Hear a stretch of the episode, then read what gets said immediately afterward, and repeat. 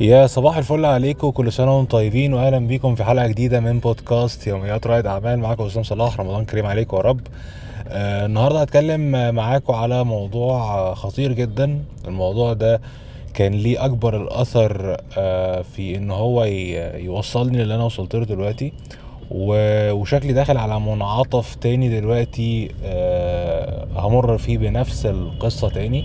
ألا وهي إن أنت تصعب ال level على نفسك أو إن أنت لما تحس إن أنت ظهرك للحيط آه، في الحقيقة أنا أول مرة خالص اكتشفت التأثير السحري لإن يكون ظهرك للحيط. الكلام ده كان في 2019 و- والموضوع ده لما اكتشفته وقتها بعد محاولات دامت أربع سنين عشان أشتغل freelancer ما ما قدرتش فعلا أشتغل freelancer غير لما لقيت ظهري للحيط. لأول مرة خالص في الشغل آه لما كنت عملت حادثة والشغل قال لي أنت هتمشي وحسيت في إن أنا لوهلة ممكن أخسر كل حاجة لو ما قدرتش إن أنا أشتغل من البيت. فدي كانت اللحظة الفارقة في حياتي اللي خلتني أشتغل من البيت. آه، من بعدها بقيت دايما بفكر وبقول يا ترى إيه اللي أنا ممكن أعمله عشان أصعب اللعبة على نفسي بقدر الإمكان؟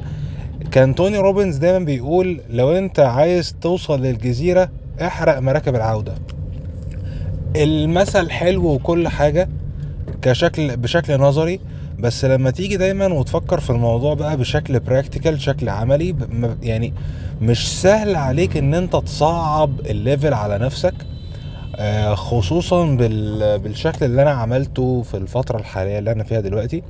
ال- الفترة اللي أنا فيها دلوقتي أنا داخل على جواز والمفروض ال- العرف والتقاليد بتقول إن أنت تحوش كل مليم معاك أو كل مليم أنت بتحاول إن أنت ت- يعني لو مش هتكسب فلوس أكتر فعلى الأقل حوش الفلوس اللي معاك عشان تعرف يعني تجهز نفسك وتتجوز. لكن اللي أنا عملته حاليا عكس كده خالص. طبعا أنا لسه راجع من mastermind من من بالي ولو أنتم متابعين ال- ال- ال- ال- البودكاست في الكام حلقة اللي فاتت فأنا حرفيا يعتبر فلست نفسي بنفسي. يعني اللي هو آه كنت حاجز. طبعا هو ال mastermind دي كلها على بعضها أو ال event بال- بالطيران بكل حاجة كان مكلفني الموضوع 8000 دولار وحصل مشكلة والطيران اتلغى واضطريت إن أنا أحجز طيارة. يعني يومها بالليل فالموضوع ده لوحده كمان ده دخل في, في 2000 دولار زيادة. يعني تتكلم في 10000 دولار كده طاروا في أسبوع. آه بس لما تيجي تبص للموضوع أنا مش متضايق وعلى عكس يعني أنا يمكن كنت قبل الموضوع ده يعني أنا أنا على شفا حفرة دلوقتي وأي نعم إن أنا آه خلاص أنا ظهري للحيط تاني. لكن لما تيجي تبص للموضوع أنا دلوقتي يعني ما عادش عندي رفاهية الحيرة لأن لما تيجي تبص أنا واحد من الناس دايما كنت بقعد أفكر مع نفسي وببقى بفكر في مليون فكرة وعايز أعمل مليون حاجة. طب أعمل دي ولا أعمل دي ولا أعمل دي؟ وتلاقيني أمشي في حاجة ربع ماشية وبعد كده أقول طب أما أجرب حاجة تانية؟ وعلى طول بالتشتت ده. فلما تيجي بقى وتلاقي إن أنا خلاص بقى ظهري للحيط بالمنظر ده بس المرة دي مش ظهري لوحدي. أنا دلوقتي المفروض بقى في آه في في بنت أنا هرتبط بيها في أسرة أنا المفروض هعملها فما بقاش الموضوع مرتبط بيا أنا لوحدي. فلما تيجي تشوف تأثير ده عليك إيه آه لأ يعني ال clarity اللي جات لي دلوقتي واللي حصلت لي وبعد ما أنا رحت ال- ال mastermind دي وخلاص بقيت أنا في حاجة معينة أنا هعملها تحس إن أنت دماغك كلها ابتدت تتسيستم من أول وجديد عشان تركز على إيه هي أحسن فكرة ممكن تخرجك من اللي أنت فيه دلوقتي. لأن أنت خلاص أنت اوريدي أنت ظهرك للحيط. فإيه اللي أنت ممكن تعمله عشان تطلع من الموقف اللي أنت فيه ده؟ وبالفعل يعني أنا يمكن كنت رايح محتار ما بين حاجتين أمشي ورا دي ولا أمشي ورا دي. وفي الآخر لما رحت هناك وطبعا أنت دماغك بتفكر في حلول آه ودي نتيجة مفهوم أنا قوي جدا أنا اتعلمته من كتاب Rich Dad Poor Dad مش اللي هو يعني أنت ما تقولش أنا مش هقدر قول دايما إزاي أقدر. فدماغك لما أنت بتقول إزاي دماغك تفضل تدور على حلول. ما تقولش أنا مش هقدر إن أنا مثلا أبقى مليونير قول لأ قول إزاي أقدر أبقى مليونير. فالاختلاف ده في. في طريقة السؤال بس اللي انت بتقوله هيخلي دايما دماغك دي تدور على حلول بشكل قوي جدا أنا بالنسبة لي كان السؤال إزاي أقدر إن أنا أجيب خمسين ألف دولار في أربع شهور فالموضوع ده قبل كده أنا ما عملتوش فلما نيجي بقى نفكر دلوقتي بما إن أنا ظهري للحيط وعليا التزامات وعليا تجهيزات ومواعيد فرح وكلام من ده طب إزاي أقدر بقى إن أنا أحقق رقم زي ده في فترة قصيرة جدا زي دي؟ فتلاقي إن أنت دماغك بتدور على حلول. فبعد ما اتكلمت بقى مع الناس هناك وابتديت أشوف وأربط النقاط ببعض وأشوف إيه اللي أنا ممكن أعمله في الفترة اللي جاية لقيت إن أحسن حاجة أنا ممكن أعملها في الفترة اللي جاية وتجيب لي الرقم اللي أنا عايزه ده هي إن أنا أطلع وأشتغل مع أجانب على طول. يعني طبعا أنا شغلي مع العرب العرب أنا بحبهم وكده كده أنا باني جمهور مخلص في العرب وبعمل البودكاست ده العرب وكل حاجة. لكن لما نيجي نشوف بقى في في المال وأكل العيش العرب ما بيأكلوش عيش مع مع احترامي لكل العرب. آه فدي بالنسبة لي حاجة بقى أنا خلاص استقريت عليها إن شاء الله إن أنا هعملها في الفترة الجاية.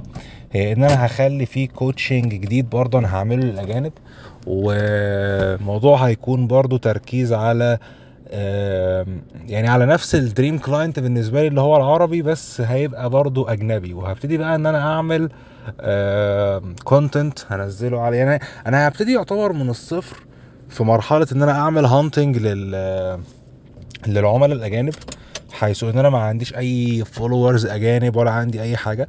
فأنا هبدأ حرفيا من الصفر عملية اصطياد العملاء الأجانب.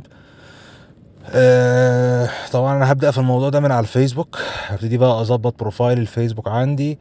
أه هبتدي أروح بقى على جروبات الفيسبوك وأحط value وأحط content والناس تجي لي وهبني funnels عشان أجمع leads وأجمع email list للأجانب. ويعني هبدأ يعتبر business جديد من الصفر بس مخصص للأجانب مش للعرب. آه فدي حاجة أنا هبدأها على طول في رمضان. يعني ما كانش معمول حسابها بس ما عنديش وقت إن أنا أضيع أكتر من كده. فالخطوة الجاية إن شاء الله إن أنا هبتدي ابني ابني ال funnel على طول. أعمل lead magnet أبتدي أبعت الناس على ال funnel دي أجمع بيانات الناس أبتدي أعمل event ات و convert ال leads دول ل sales لو الموضوع فضل مكمل معايا بشكل كويس أنا طبعا أنا لسه بقى مش عارف هيبقى الموضوع الخطوة الجاية إيه بعد كده. بس يعني أنا هعمل mastermind خاصه بيا أه أو coaching للناس اللي هم اللي من بره دول. فطبعا هيكون كل ال content اللي أنا بنزله إنجليزي ليهم. فهشوف وقتها بقى. يعني أنا على حسب وقتها أنا مش عايز أتخلى عن ال content العربي اللي أنا بعمله فهفضل مكمل عليه. بس في نفس الوقت هيكون في content تاني بالإنجليزي أنا بعمله. ال coaching بقى ده اللي أنا هشوف لسه. هستمر بس على ال coaching الإنجليزي ولا أخلي فيه coaching عربي ولا العرب اللي يفهموا في الإنجليزي وعايزين يحضروا إنجليزي يحضروا. لسه دي أنا هشوفها. لكن الفترة اللي جاية هيكون تركيزي بشكل أساسي في الدخل على الأجانب. لأن هي دي الحاجة اللي ساعدتني برضه أوصل اللي أنا وصلت له دلوقتي. هي شغلي مع أجانب. يعني الشغل مع العرب كده كده ما بيأكلش عيش ولا بيبني خبرة. للأسف يعني. فهرجع تاني للأجانب أه ونعتمد بقى على إن دي المرحله الجديده في حياتنا نعمل فيها step up أه بس أنا appreciating جدا للموقف الصعب ومقدر للموقف الصعب اللي أنا حاطط نفسي فيه. كونه جاب لي ال clarity وجاب لي الوضوح اللي أنا فيه دلوقتي. آه ناس كتير بتبقى خايفة إنها تزنق نفسها تحط نفسها في مواقف صعبة بتخلي لنفسها ركن آمن. طبعا ده شيء مفهوم وكل حاجة لكن أنا واحد من الناس بحب دايما الخطر بحب دايما إن أنا أزنق نفسي بحب إن أنا أصعب اللعبة على نفسي عشان أنت لما بتصعب اللعبة على نفسك أنت كده كده ال level بتاعك هيعلى عشان يواكب الصعوبة دي. الإنسان بطبعه adapting بيتطور بيطور من نفسه. لما تيجي تشوف الجيم لما أنت بتروح الجيم أنت حرفيا أنت بتقطع الأنسجة والعضلات بتاعت جسمك فجسمك بيبتدي يتطور وبيكبر وبيعمل عضلات اللي شكلها حلو دي عشان يقاوم الضغط اللي انت كنت حاطه عليه قبل كده. تقوم انت بتعمل إيه؟ هل بتريح؟ لو ريحت العضلات هتروح لأن ما عادش فيه الضغط اللي هي هيخليها كبيرة. لكن لما تعلى بالليفل تزود الضغط اللي انت بتحطه عليها تزود الصعوبة تلاقي العضلة تكبر أكتر. فلما تيجي تشوف اللي شكله حلو قوي وجسمه مقسم هتلاقي عشان ده على طول عايش في ضغط وعلى طول حاطط نفسه في صعوبات في الجيم. نفس الكلام في ال business نفس الكلام لما تيجي تحب تعمل فلوس نفس الكلام لما تيجي تبني خبرة خاصة بيك. لو فضلت دايما عايش مرتاح وفي ال comfort zone هتفضل عادي هتفضل شخص عادي لكن لما تعلي ال level الصعوبة على نفسك هتلاقي نفسك بتعلى انت كمان عشان الصعوبة دي ما تغلبكش. ما هي خلاص ما هي الموضوع بالنسبة لك هيبقى do or die فلو انت جيت لقيت نفسك ان انت حاطط حياتك كلها على المحك انت لازم تعمل اكشن معين وإلا مش هتلاقي تاكل. هتعمل الاكشن المعين. الاكشن اللي كان بيخوفك قبل كده لو انت خايف تطلع تتكلم قصاد الناس خايف ان انت تعمل content خايف ان انت مكسل ان انت تب- تبعت proposals وعروض عمل عشان انت بعت عشرة ولقيت ان انت ما فيش حد عبرك.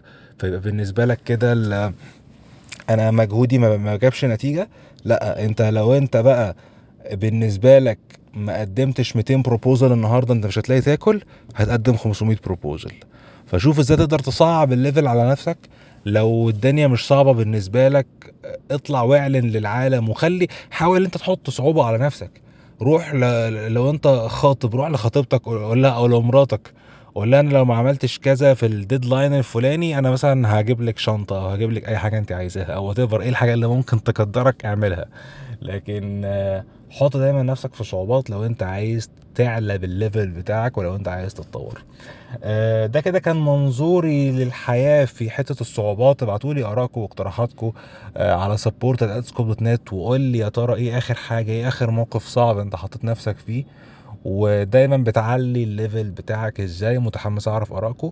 آه، ده كده كان نهاية الحلقة بتاعت النهاردة. أشوفكم إن شاء الله في حلقات جديدة في بودكاست يوميات رائد أعمال. كان معاكم اسلام صلاح.